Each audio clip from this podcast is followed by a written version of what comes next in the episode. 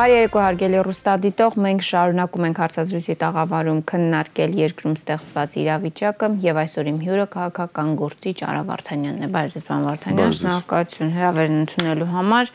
Պարոն Վարդանյան, այս օրերին ամենակննարկվող հարցը այն է, թե արդյոք հնարավոր է կանխել պատերազմը, արդյոք հնարավոր է վաղ կանխել պատերազմը, որ չտևեր 45 օր ըստ էության այդքան տարածքներ մենք չկորցնենք եւ վերջո չստորագրվեր այդ չարաբաստիկ կապիտուլյացիոն ակտը երեք ուշագրավ բացահայտումներ արեց Ռուսաստանի նախագահ Վլադիմիր Պուտինը եւ ըստ էության նա հերքեց Նիկոլ Փաշինյանի ավելի վաղ հնչեցրած այն հայտարարությունը, թե անկախ ամեն ինչից Շուշին պետք է հանձնեինք, նա ասաց, որ Շուշին հանձնելու process-ը հասունացել է պատերազմի ընթացքում, երբ Ադրբեջանը ամեն օրվա վրա կարողացել է հաջողություններ ըստ էության գրանցել եւ փաստորեն հոկտեմբերի 20-ին, հոկտեմբերի 20-ին առաջարկել է Նիկոլ Փաշինյանին դադարեցնել պատերազմը եւ ոչ թե Շուշին հանձնել, այլ ադրբեջանցիները, տեղահանվածները ընդամենը վերադառնան Շուշի քաղաք, վերահսկողությունը շարունակի մնալ հայկական, բայց Նիկոլ Փաշինյանը մերժել է այդ առաջարկությունը։ Երեք նաև Օնիկ Գասպարյանը հայտարարությամբ հանդես եկավ, որ պատերազմի 4-րդ օրը զգուշացրել է, որ օր առաջ պետք է կանգնեցնել այս պատերազմը եւ որ յուրաքանչյուր առաջարկվող փաստաթուղ նախորդից ավելի վատն է լինելու։ Մենք այսօր ունենք վատագույնը 30 տարվա բանակցությունների ընթացքում քննարկված վատագույն փաստաթուղթը կապիտուլյացիոն ակտը հնարավոր է կանխել պատերազմը հնարավոր է շուտ որ առաջ կանգնեցնել պատերազմը եւ արդյոք կար, կար այլընտրանք կապիտուլյացիոն այս փաստաթղթին խնդրեմ Նախ շնորհակալություն ինձ հյուրընկալելու համար եւ հաշվի առնելով որ առաջի անգամ եմ եթեր դուրս գալի այս պատերազմից հետո նաեւ ուզում եմ ցավակցություններս հայտնեմ մեր բոլոր այն ընտանիքներին, որոնք ցավոք սրտի ունեցել են մարդկային զոհեր այս անտեղի եւ անիմաստ պատերազմի ընթացքում խորանալ կրկին այն հարցի մեջ արդյոք կարելի է խուսափել պատերազմից թե ոչ կարծում եմ արդեն անհրաժեշտություն չկա քանի որ թե ձեր տեղավարում թե բազոն այլ տեղավարներում տարբեր քաղաքագետներ արդեն իսկ փաստել են որ իհարկե հնարավոր է մի այլ հարց է որ այս իշխանությունը իշխանությունը զավթելու իսկ առաջին իսկ օրվանից սկսած արել է իրենից հնարավոր ամենը որpիսի այս պատերազմը տեղի ունենա գաղտնիք չէ որ 2.5 տարի առաջ էլ ես պնդել եմ, որ այս իշխանությունը բերվել է Հայաստան երկու նպատակով՝ հանձնել Արցախը եւ չեղարկել Հայաստանի եւ Ռուսաստանի հարաբերությունները։ Ցավով պետք է փաստեմ, որ այս իշխանության մոտ կարծես թե ամեն ինչը դեռևս փայլուն ստացվում է։ Տեսեք, երբ որ սկսվեց պատերազմը, ինչեր տեղ ունենում մենք արդեն 3 տեղեկացանք, որ Ռուսաստանի Դաշնության նախագահը որոշ չափով բացեց, հա, քաղաքարտերը եւ ասել է թե ինչ առաջարկներ են եղել ընթացքում, բայց մենք պետք է հասկանանք հետեւյալը. Նիկոլ Փաշինյանի նպատակներ հանձնել ամբողջ Արցախը, ամբողջությամբ։ Ես դա պնդում եմ։ Դա իմ քաղաքական գնահատականն է իր արածներին։ Ինչ տեղ ունեցավ ընթացքում։ Ընթացքում մենք տեսնում ենք, որ Հայաստանի եւ Արցախի քարոշչական, պետական քարոշչական մեխանիզմները հрамստում էին ժողովրդին թեզեր հաղթելու ենք, գետաշենն են գրավել, էս են ազատագրել, են են գրավել, մինչդեռ այսօր արդեն ակնառու իրականություն այն է, որ սկսած առաջին իսկ օրվանից Հայաստանի Հանրապետության եւ Արցախի Հանրապետության բանակները ունեցել են լրջագույն խնդիրներ, թե կառավարման տեսանկյունից, թե կորուստների։ Բայց եկավ մի պահ եւ այդ մի պահ Շուշիի անձնումներ, երբ որ Հայաստանի մեր կառավարական տեղեկատվական մեխանիզմը սկսեց հակասել Արցախյանին։ Այսինքն Արցախյանը սկսեց գոռալ ամբողջ կոկորտով, որ ժողովուրդ մենք հանձնել ենք Շուշին, Հայաստանինը դրա մասին լռում էր։ Ինչ է իրականության մեջ կատարվում։ Ղարաբաղում չգիտեմ որ մի պաշտոնյան, միգուցե դա նախագահն էր կամ ավելի ներքև, գիտակցեցին, որ Նիկոլ Փաշինյանը ուզում է ամբողջ Արցախը հանձնի։ Եվ ստիպված սկսեցին թմկարել Շուշիի հանձնման մասին այդ քայլով իրենք ստիպեցին, որպեսի Նիկոլ Փաշինյանը գնա այդ կապիտուլյացիոն թղթի չարաբաստիկ թղթի ստորագրմանը։ Կրկին կրկնում եմ, սա միակ տարբերակն էր, որով Ռուսաստանի խաղաղապահ ուժերը կարող էին մտնել Արցախ։ Սա միակ ձևն էր։ Նիկոլ Փաշինյանի պլաններում դա չկար։ Նիկոլ Փաշինյանի պլանը լրիվ այլ էր։ Հայաստանը պետք է ամբողջությամբ Արցախ հետ պարտվեր, հանձներ ամբողջ Արցախը, ինչի արդյունքում մյուս օրը Հայաստանում կսկսվեին հակառուսական շատ լուրջ պրոտեստներ։ Եվ հիմնական թեման լինելու էր հետեւյալը, որ ուր էր Ռուսաստանը, երբ որ Ադրբեջանը գրավում էր մեր տարածքները։ Ի ուրախություն մեզ Նիկոլ Փաշինյանի այս փուլում պլանը տապալվել է Ռուսաստանը մտել է տարածաշրջան խաղապահների միջոցով բայց ես չեմ կարող վստահ լինել, որ այս պլանը տապալվել է մի փուլում եւ չի ունենա շարունակություն։ Այսինքն գործն ավարտված չէ։ Գործն իհարկե ավարտված չէ։ Այսօր Փաշինյան ասում է ինձ 6 ամիս ժամանակ էլ տվեք։ Տեսեք, Նիկոլ Փաշինյանի մասին խոսելիս մենք պետք է հասկանանք հետևելը։ Նիկոլ Փաշինյանի կենսագրությունը բաղկացած է 3 թվերից. 10 1839 եւ 4750 մեկը դա մարտի 1-ի զոհերն են, մեկը կորոնավիրուսի մահացածների թիվը ցայսօր, մյուսը այս պատերազմի ընթացքում զոհվածների մոտավոր թիվը։ Այդ է Նիկոլ Փաշինյանի ողջերությունը։ Իր ողջ կենսագրությունը բաղկացած է մահերից։ Ինքը մահաբեր է։ Ինքը մարդ է, որ այս երկրում միշտ եղել է մահվան հետ կապված։ Ինքը սերիական մարդասպան է, པարզ ասած։ Եթե այս ժողովուրդը հանդուրժում է այս ամենը, եթե այս ժողովուրդը ուզում է, որpիսի իմ կողմից հնչեցված 3 թվերին գումարվի եւս մեկը, որի զոհերը կլինեն քաղաքացիական պատերազմի, հրահրող պատերազմի արդյունքում մահացած անձինք, ապա ես կամ այլ ընդդիմադիրները որևէ բան չեն կարող անել։ Ի վերջո 2.5 տարի Ագնեսա ջան, թե կոմոտի բոլոր հյուրերը, թե տարբեր ռուսանկերություններում ընդդիմադիր գործիչները զգուշացնում էին այն, ինչ որ լինելու է։ Ցավոք սրտի, մենք ճիշտ էինք։ Նիկոլը սխալվեց։ Տեսեք, պարոն Վարդանյան, մարդիկ առաջնորդվում են էմոցիաներով եւ հիմնական մարդիկ, ովքեր դեմ չեն Փաշինյանին ըստ էության, ասում են հետեւյալ փաստարկն են առաջ բերում, որ նա կանգնեցրել է պատերազմը։ Զինվոր ունեցող ծնողի համար առաջնայինը դա է, որ պատերազմը կանգնեցրել է։ Նա հիմա չի կարող հաշվարկել, որ Սյունիքով մի քանի ամիս հետո Թուրքը Ադրբեջանից գնալու է Նախիջևան։ Նա չի կարող հաշվարկել, որ Հայաստանի մեծ մասը դառնում է այլևս սահմանամերջ Խարվաճարի հանձնումով։ Այս պահի իր համար կարևոր է, որ պատերազմը կանգնել է։ Եվ իշխանությունն էլ մատուցում են, որ մենք փրկել ենք 20 25-30 հազար զինվորների կյանք, այսինքն էլի տեխնոլոգիա է կիրառվում։ Այս պայմաններում ընդդիմադիրները, քաղաքական գործիչները արդյոք կարողանում են հաշվարկել բոլոր այս տեխնոլոգիաները։ Տեսեք, մի բանը անվիճել է, որ Նիկոլ Փաշինյանի իշխանությունը արևմուտքի կողմից ուղղորդված օգտագործում է աշխարհում հայտնի բոլոր հնարավոր տեխնոլոգիաները մարդկանց վրա ազդելու համար։ Սա 18 թվականի իշխանապողությունն է։ Ցավոք սրտի այսօրվա անդիմությունը չունի նման ունակություններ այդ բոլոր տեխնոլոգիաները օգտագործելու, քանի որ չունի արևմուտքի պես պաշտպան մենք պետք է հասկանանք հետեւյալը։ Իհարկե, որոշ չափով ես հասկանում եմ այն ծնողներին, որոնց երեխաները այդ ստորագրված թղթի արդյունքում ողջ վերադարձել են տուն, իհարկե այդ ծնողների ուրախությունը հասկանալի է. Ես չեմ կարող այդ ծնողին որևէ բացասական բան ասել բայց այդ նույն ծնողը կարող է հարց բարձրացնել Իսկ ինչի համար, երբ որ Ադրբեջանը բացահայտ կնքում էր Թուրքիայի հետ բայրակտարների գնման պայմանագիր եւ դա բացահայտ գործարքեր, այո, ինչի համար Հայաստանի Հանրապետության կառավարությունը իդեմս Նիկոլ Փաշինյանի հենց այդ պահին չի կնքել օրինակի համար պանցիր տիպի զինամթերքի գնումը Հայաստանի համար։ Ասեմ ավելին, Մինչ իշխանազավթումը, մինչ 2018 թվականը,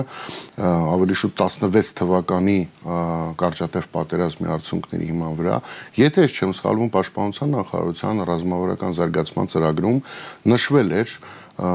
որ 2019 թվականին Հայաստանը պետք է գներ պանցի տիպի զինամթերք։ Հիմա մոտ հարց է առաջարկում, ինչու այդ գնումը չի կատարվել, ինչու դրա տեղը գնվեցին ինքնաթիռներ, որոնք բացի նկարահանվելու համար օգտագործելուց որևէ այլ բանի համար պիտանիկ չեն, Եվ այդ հարցերին պատասխանները ես համոզված եմ, որ դատական նիստերի ընթացքում տալու է թե Նիկոլ Փաշինյանը, թե իր կառավարության անդամները։ Գիտեք ինչ, մի բան է հայտարարել, որ մեր օդը ավելի պաշտպան, ավելի պաշտպանված է, քան երբեք, մի բան է դա իրականում անել։ Ցավոք սրտի նաև հայտարարում Արցախի նախագահ Արայք Հարությունյանը, երբ որ ապրիլյան պատերազմին նվիրված ասուլիս էր տալիս, եւ մտահոգվում էր, որ անօթաչու է հայտնվել ապրիլյան պատերազմի ժամանակ, ասում էր, որ Արցախի օդը երբեք այսքան պաշտպանված չի եղել։ Աղնասաջան, մենք պետք է հասկանանք, որ Նիկոլ Փաշինյանի եւ Իլհամ Ալիևի վերելակային պայմանավորությունից հետո Արցախում եւ Հայաստանում ստեղծվել շատ վտանգավոր մի իրավիճակ, որի մասին անձամբ ես թմկահարում եի 2 տարի անընդմեջ։ Ես ասում էի, որ Նիկոլ Փաշինյանը եւ Ալիևը պայմանավորվել են իրար վրա չկրակելու մասին, ինչի արդյունքում Ադրբեջանի Հանրապետությունը շատ լուրջ ինժեներական աշխատանքներ է տարել շփման գոտու ողջ լայնքով։ Միջդեռ Հայաստանը եւ Արցախը նման աշխատանքներում թերացել են։ Այսինքն Ադրբեջանը 2 տարի իշնորիվ Նիկոլ Փաշինյանի նախապատրաստվել է բոլոր հնարավոր ձևերով պատերազմի Իսկ Հայաստանը այդ ժամանակ զբաղված էր Facebook-ով երկիրը կառավարելով։ Եվ ցավոք սրտի այսօր էլ Նիկոլ Փաշինյանի իշխանությունը ոչ թե մարդկանց տրամադրությունը չափում է այդ մարդկանց հետ շփվելով, այլ Facebook-ում գրառումների լայքերով, որոնք մեծ համաստորեն պայմանավորված են իրենց ֆեյքերով։ Հասկանում եք, սա մի իրավիճակ է, երբ որ մեր ժողովուրդը պետք է ի վերջո հասկանա, որ սրանից ել ավելի վատն էլ կա այնպես չէ որ այս պատերազմը ավարտվեց, այ հիմա արդեն Նիկոլը կարա մնա։ Թուրքիան ի վերջո զորքեր է կուտակում Հայաստանից։ Հենց այդ ամբողջ ընդհանուր։ Այսինքն ամեն ինչ դեռ ավարտված չէ։ Տեսեք, Ագնեսա ջան։ Մենք ավելի մեծ գուցե ռուս-թուրքական պատերազմի առաջ կարող ենք առաջ կայում կանոնել, բայց փաստ է, որ Թուրքիան զորք է կուտակում Հայաստանի սահմանին։ Տեսեք, Ագնեսա ջան, մենք նախ որպես ժողովուրդ պետք է ամբողջ աշխարհին ապացուցենք մի շատ པարզ թերս։ Մենք չենք հանդուրժում պարտվող իշխանությանը։ Դա մեկ։ Հասկանում եք, այսօր ոչ միայն Հայաստանի ներքին խնդիրն է Նիկոլ Փաշինյանը։ Նիկոլ Փաշինյանի հերացումը իշխանությունից նաև Հայաստանի միջազգային հանրության մեջ իմիջի խնդիր է։ Այսինքն մենք չենք կարող հայերով ամբողջ աշխարհին ցույց տալ, որ մենք ձեն ձայն չենք անում եւ պահում ենք իշխանության մի ղեկավարություն, որը ուղակի նվեր է մատուցել մեր թշնամուն։ Մենք հայերս պետք է դա գիտակցենք, անկախ նրանից դուք Նիկոլ Փաշյանի կողմնակից եք թե ոչ, դուք պետք է հասկանաք, որ նա պետք է հեռանա իր տեղը պետք է գան մարդիկ, որոնք առաջին հերթին կարող են բանակցել, իսկ եկեք մի པարզ իրողություն հասկանանք, օրեր անց կամ ամիսներ անց տեղի են ունենալու բանակցություններ. Հայաստանի վարչապետի, Ադրբեջանի նախագահի եւ Ռուսաստանի նախագահի միջև։ Արդյոք Նիկոլ Փաշինյանն է անձը, որը կարող է եւ իզորու է Իլհամ Ալիևի հետ մի սեղանի շուրջ նստել։ Ես կարծում եմ ոչ։ Ալիևի, որը ծաղրում է, օրը շարունակ եւ չի արձագանքում։ Այդ ծաղրանքի մասին ես մի քանի օր առաջ անդրադարձել եմ։ Ինձ համար արդեն զազրելի է դառնում այդ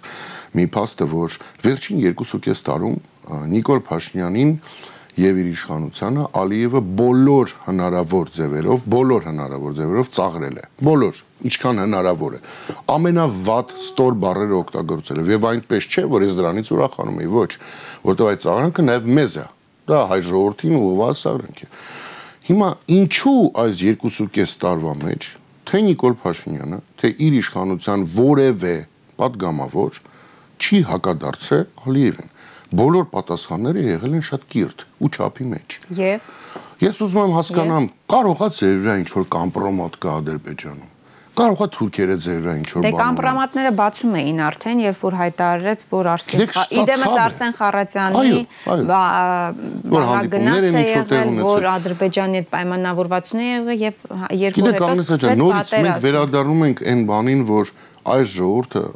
այսօր ցավոք սրտի մենք բոլորս ապրում ենք պատմական շատ լուրջ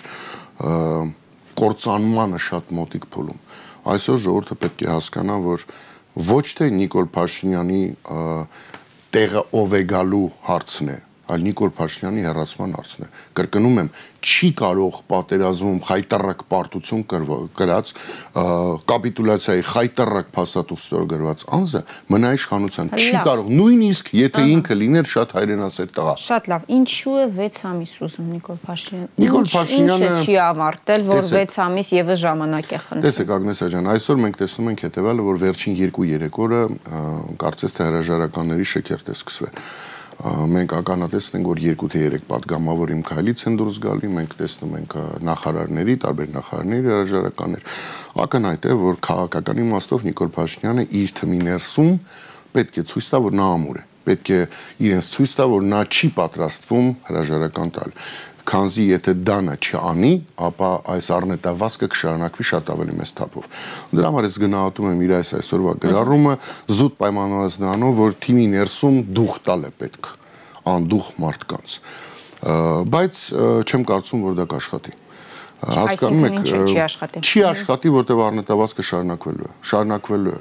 չեն կարող Բայց ինքն է նախաձեռնում հենց փոփոխություններ։ Այսօր մամուլում տեղեկություն տարածվեց, որ 80%-ը կառավարության կազմի ցանկանում է փոխել, ասում է ես եմ պատասխանատուն, բայց կառավարության կազմի անդամներին է փոխում։ Սա քայլեր են, որոնք ցանկացած մարդ սովորաբար անում է իշխանությունը ել ավելի երկար պայելու համար, փորձելու համար։ Ես կրկնում եմ Նիկոլ Փաշինյանը, որին ցավոք սրտի չեմ կարող չեմ կարող այլևս հայ համարել, չեմ կարող։ Հայը պետք էր կամ ինքնասպան լիներ այդ կապիտուլյացիայի ուխտստորագրելուց հետո, կամ նույն օրը գար հրաապարակ ներեություն ծնկաչոք խնդրել բոլորից եւ գնար միտե իր փակ սենյակում փակ պահկվեր։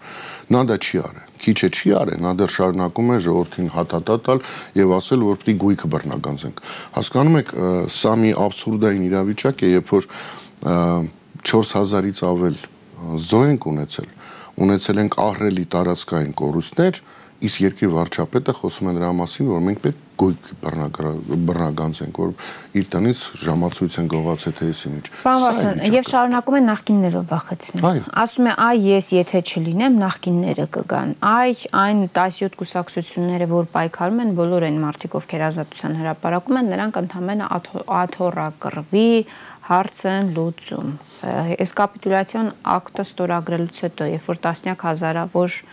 մեր հայրենակիցներ անտուն են մնացել։ Մենք կորցրել ենք Արցախը, մոտ 5000 զոհ ունենք, 7-8000 վիրավոր ունենք, թվերը այդպես էլ չեն հրապարակվում իշխանությունների կողմից, կաշխատի էլի այդ նախկինների տեխնոլոգիա, նախկինների վրա խաղալու տեխնոլոգիա։ Նախ եւ առաջ նախկինների տեխնոլոգիան փայլուն կիրառվեց հենց իշխանազավթման առաջի օրվանից սկսած հենց այդ տեխնոլոգիայի կիրարկման արդյունքում էլ ենք մենք պարտվել այս պատերազմում հենց այդ տեխնոլոգիայի կիրառման պատճառով քանի որ այսպես կոչված նախքին գեներալներ եւ տարբեր մարդիկ ցավոք սրտի ճանաչան հնարավորություն մասնակից դառնալու այս պատերազմին եւ արդյունքը բոլորիս աչքի առջև այսօր կստացվի մոտ այս անգամ թե ոչ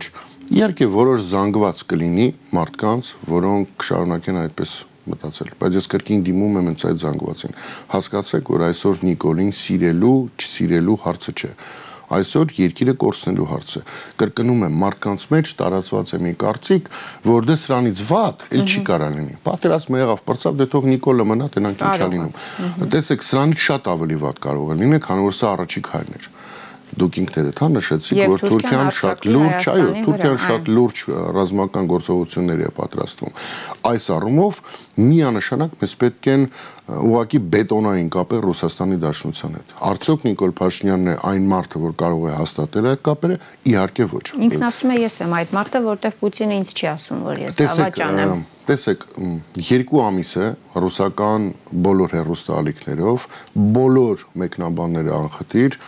ամենավերջի բարերով էր մեկնաբանում Նիկոլ Փաշինյանի բոլոր քայլերը։ Ռուսաստանը բարդ երկիր է։ Ռուսաստանի նախագահ երբևից իրեն թույլ չի տա որևէ այլ երկրի ղեկավարի մասին ասել, որ նա դավաճան է։ Ինչ արեց Ռուսաստանի Դաշնության նախագահը 3, նա բառացի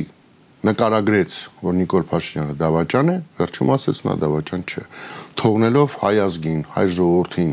մտածել, արդյոք ձեր ղեկավարը դավաճան է թե ոչ։ Նա բառացի ասեց, որ Նիկոլ Փաշինյանը ուներ հնարավորություն փրկել հազարավոր կյանքեր, փրկել Շուշին, այո, փրկել Շուշին, փրկել Հադրութը, փրկել Մարտունի մի մասը, բայց նա այդ քայլին չգնաց, չգնաց ինչու հանուն իր իշխանության եւ հանուն նրա ինչի համար իրան բերել են իշխանության, այսինքն Արցախը հանձնելու ծրագրին։ Ես կրկնում եմ, որ մենք պետք է բոլորս թափվենք հասկանանք, որ այս պատերազմում պարտությունով հայ ժողովուրդը չի պարտվել։ Հայ ժողովուրդը դեռ երկար պայքարի ճանապարհ ունի, բայց այդ երկար պայքարի ճանապարհը կլինեն նախկինները ղեկավարող նորերը թե ապագաները, ինձ անձնապես մեկ է։ Ինձ պետք է որ լինեն այն մարդիկ, որոնք կարող են կարող են օգնել այս վիճակում։ Ովքեր են այդ մարդիկ, պարոն Վարդանյան։ Ագնեսա ջան, մենք Մարդիկ հարց են տալիս, Նիկոլ Փաշինյանը գնաց։ Ով է լինելու հաջորդ իշխանություն։ Ինչպիսին է լինելու հաջորդ իշխանությունը։ Հին է լինելու, նոր է լինելու, նորագույն է լինելու, ինչպիսին է լինելու։ Տեսեք, խոսքը գնում է ժամանակավոր կառավարություն ստեղծելու մասին անդիմբարի դաշտը ասում է, որ այս պահին մեզ պետք է որպեսի Նիկոլ Փաշինյանը հեռանա, կազմավորվի նոր ժամանակավոր կառավարություն, որի անդամների գերակշռ մասը կլինեն տարբեր տարիների ընթացքում տարբեր ոլորտներում աշխատած մարդիկ, որոնք ունեն փորձ այդ ամբողջ ընթացքում կլինի դա 6 ամիս թե 1 տարի կոճակներ սխմողները, այսինքն ազգային ժողովում նստած կոճակ սխմող իմ քայլականները կշարունակեն իրենց նույն ֆունկցիան։ Իրենց կյանքում բան չի փոխվելու։ Իրենք անելու են նույնը, սխմելու են կոճակ, ուղղակի այս անգամ փաստաթղթերը, որոնք բերվելու են ազգային ժողով, կրելու են շատ կարևոր իմաստ Հայաստանի ապագայի համար։ Մինչ հետ դրանից հետո արդեն կծրվի ազգային ժողովը, մա դա կլինի 6 ամիս հետո թե 1 տարի հետո, եւ Հայաստանի Հանրապետություն յուրաքանչյուր քաղաքացի կանի իր ընտրությունը։ Կընտրի նախկինին, կլինի նախկինը. Կընտրի ապագային կլինի ապագայինը. Կընտրի Նիկոլին եթե նա իհարկե մասնակցի ընտրություններին ապա կլինի Նիկոլը. Հիմա դնել խնդիր թե ով է դա լինելու ես չգիտեմ. Եթե գիտեք Նիկոլ Փաշինյանը նորից պետք է մասնակցի ընտրությունների եւ նորից կարողանա թեկուս կոալիցիոն կառավարությունով իշխանություն վերցնել հետագա Ագնես ջան, եթե հայ ժողովուրդը կորոշի այդպես, ուրեմն դա է հայ ժողովրդի որոշելիքը։ Մենք ընդդիմադիրներս 2.5 տարի պնդել ենք, որ լինելու է այն ինչ եղավ։ Եթե դրանից հետո հայ ժողովուրդը էլի պետք է որոշի։ Ահա, հայ ժողովուրդը թող որոշի։ Պատմությունը ցույց է տալիս, որ ժողովուրդը սխալվում է։ Ժողովուրդը մի անգամ սխալվել է։ Չի նաև կառավարման համակարգ փոխել եւ արմատական փոփոխություններ անել երկրում, սկսած սահմանադրությունը փոխելուց։ Ի վերջո մենք Ռուսաստանի օրինակը ունենք, որ սահմանադրությունը փոխեցին եւ հստակ կետեր ամրագրեցին սկսած ասենք միասեռականների չամուսնանալու թույլտվությամբ օրինակ եմ ասում միանշանակ այն որ համանդրությունում պետք է տեղի ունենան փոփոխություններ այն որ կուսակցությունների մասին օրենքում պետք է ունենան փոփոխություններ այն որ որոշ բաներ պետք է օրենքով արգելվեն ես դրա հետ որևէ վեճ չունեմ իմ ասած այն է որ ի վերջո ընտրողը լինելու է ժողովուրդը թե ում կընտրի ժողովուրդը։ Կառավարման փորձագետ Հարություն Մեսրոբյանն ասում է, որ հիվանդ հասարակությունը չի կարող ճիշտ ընտրություն կատարել, որքան էլ դա կարող է ոչ ականջահատչո լինել այս բանի։ Իր հետ կհամաձայնվեի 2.5 տարի առաջ այսօր ուզում եմ չհամաձայնվել, չեմ կարող պնդել։ Կարծում եք հասկացել է իր սխալը։ Ինձ թվում է հայ ժողովուրդը շատ լուրջ արժեք վճարեց իր սխալի համար, շատ լուրջ։ Ագնես աջան, գիտեք ինչ, մենք արդեն վերացել ենք պատերազմում մահացածների անունները թվի, ինչպես եւ այս կառավարությունը արել էր կորոնավիրուսի հետ կապված, բայց սա սոսկ թիվ չէ։ Սա 4750 ընտանիք է։ Սա կյանքեր են, որոնք այլևս չեն լինի։ Սա տղամարդիկ են, որոնք կարող էին ունենալ երեխաներ։ Սա Հայաստանի պատմության մեջ կարելի ասել ամենանողկալի էջերից է, ամենացավալի էջերից է։ Եվ ես կասկած չունեմ, որ ժողովրդի մեծ մասը արդեն իսկ գիտակցել է, որ այո, Նիկոլ Փաշինյանին իշխանության բերելով մենք սխալվեցինք չեմ կարծում, որ կրկին այս ժողովրդը նման սխալի կդիմի Ագնեսա ջան, բայց եթե դիմի, ապա այս ժողովրդը արժանի է նրան, ինչին որ ընտրում է։ Գիտեք ինչ, մենք բոլորս պետք է հասկանանք, յուրաքանչյուր անձ, յուրաքանչյուր իր կյանքի ընթացքում պատասխան է կրում իր յուրաքանչյուր իրականացված որոշման համար։ Այսօր մենք հավաքական պատասխանատվություն ենք կրում 800.000 եւ մի քիչ ավել մարդկանց որոշման համար։ Ես այդ որոշումը չի արել, բայց ես եմ ցավոք սրտի պատժվում եւ պատժվում եմ շատ այլոք։ Ես հույս ունեմ, որ մարդիկ հասկացել են, որ այդ ընտրության արդյունքում այսօր մարել է 4750 ընտանիքի լույսը կամ կորոնավիրուսից մահացածների 1300 մարդուց ավելի լույսը։ Չի կարելի նույն սխալը երկու անգամ կատարել։ Ես համոզված եմ, որ քաղաքական դաշտում կար բազում կուսակցություններ, որոնք կկարողանան շտկել իրավիճակը։ Եվ նաև Ագնեսա ջան, մի բան ավելացնեմ, որ մենք պետք է հասկանանք, որ այսօր իշխանությունը ստանձնելով ինչ որ մեկը մեծ լավություն պետք է անի հայ ժողովրդին հավատացեք դա լավություն է նման վիճակում իշխանություն ստանձնելը դա նման է ինքնասպանության մենք եւ հայ ժողովուրդը դեռևս չեն պատկերացնում, թե ինչքան է կործանված մեր տնտեսության վիճակը։ Հայ ժողովուրդը երևի թե չի պատկերացնում, որ դեռևս բարթագույն բանակցություններ են լինելու Արցախի շուրջ, բարթագույն բանակցություններ։ Հայ ժողովուրդը դեռ չի պատկերացնում, որ մենք այս ձմեռը ունենալու ենք լրջագույն խնդիրներ, որ մյուս տարի մեր մոտ բյուջեի հավաքագրումը նվազելու է շատ լուրջ թվերով, որ նման տիպի կառավարվող երկրում ներդրումներ բերելը սա ուղղակի մի մեծ հաջողություն կլինի։ Ինչը կարող է մեզ փրկել Ռուսաստանի կողմից վստահելի իշխանությունը, իշխանություն, որին 100%-անոց կվստահի Ռուսաստան։ Ի վերջո ինչ են խոսում Ռուսաստանի ակնարկները եւ երեք Պուտինը կարծես վերջակետ դրեց այդ ամենին։ Հասկանում է հասարակությունը, որ Ռուսաստան ասում է, որ այստեղ այլևս չի կարող լինել իշխանություն, որի մաս են կազմում արևմտյան ֆինանսավորմամբ տարբեր ՀԿ-ների անդամներ, ներկայացուցիչներ։ Տեսեք, մի բան ակնհայտ է, Հայաստանի Հանրապետությունում այլևս չի կարող լինել գործակալական որևէ ցանց ներկայացնող իշխանություն։ Դա ակնհայտ է։ Ռուսաստանը դրա մասին է խոսում։ Բացի դրանից, մենք պետք է հասկանանք, որ Հայաստանի մյուս ղեկավարը, մյուս ղեկավարի վրա բարթվել է ամենաբարդ process-ը հետ բերել եւ նույնիսկ ել ավելի ուժեղացնել Ռուսաստանի հետ հարաբերությունները։ Կրկնում եմ, մենք այսօր կանգնացենք Թուրքիայի զավթման նախաշեմին։ Այո եւ կապված է մեր պատրաստակամությունը այդ process-ին միայն նրանից թե ինչ հարաբերություններ մենք ունենանք Ռուսաստանի Դաշնության հետ։ Պետք չէ մոռանալ, որ Թուրքիան ՆԱՏՕ-ի անդամ է։ Պետք չէ մոռանալ, որ Թուրքիայի մոտ բավականին լավ հարաբերություններ են ՆԱՏՕ-ի անդամ երկրների գերակշիռ մասի հետ, այդ թվում Ամերիկայի Միացյալ Նահանգների։ Իսկեն մենք հասկանում ենք, որ այս պատերազմում մեր միակ դաշնակիցը դա Ռուսաստանն է, այդ թվում Իրանի Իսլամական Հանրապետությունը եւ ինչու ոչ Չինաստանի Հանրապետությունը։ Եվ մենք պետք է յետ գնանք նորից 2.5 տարի հետ եւ հասկանանք, որ Նիկոլ Փաշինյանը անցած 2.5 տարվա մեջ արեց ամեն ինչը, որ իմ կողմից նշված երեք երկրների հետ մեր հարաբերությունները լինեն ուղակի կորցանար վիճակում։ Հիմա ժողովուրդը պետք է հասկանա, པարզ նայի այս process-ին եւ հասկանա, որ անկախ այս կամ այն մարդուն սիրել չսիրելուց մեզ պետք է այսօր իշխանություն, որը կարող է Ռուսաստանի, Իրանի եւ Չինաստանի հետ հարցեր լուծել։ Եթե այդ մարդիկ ի հայտ չգան, ապա մենք դատապարտված ենք։ Մենք դատապարտված ենք նոր ցեղասպանության։ Եթե այս ժողովուրդը դա է ուզում, իմ ասածը դա է, այդ եք ուզում, խնդիր չկա։ Շնորհակալ եմ, պարոն Վարդանյան։ Հարցազրույցի տաղավարում իրավիճակը երկրում քննարկում էին քաղաքական գործիչ Արա Վարդանյանի հետ ամուր եղեք, հանդիպենք վաղը։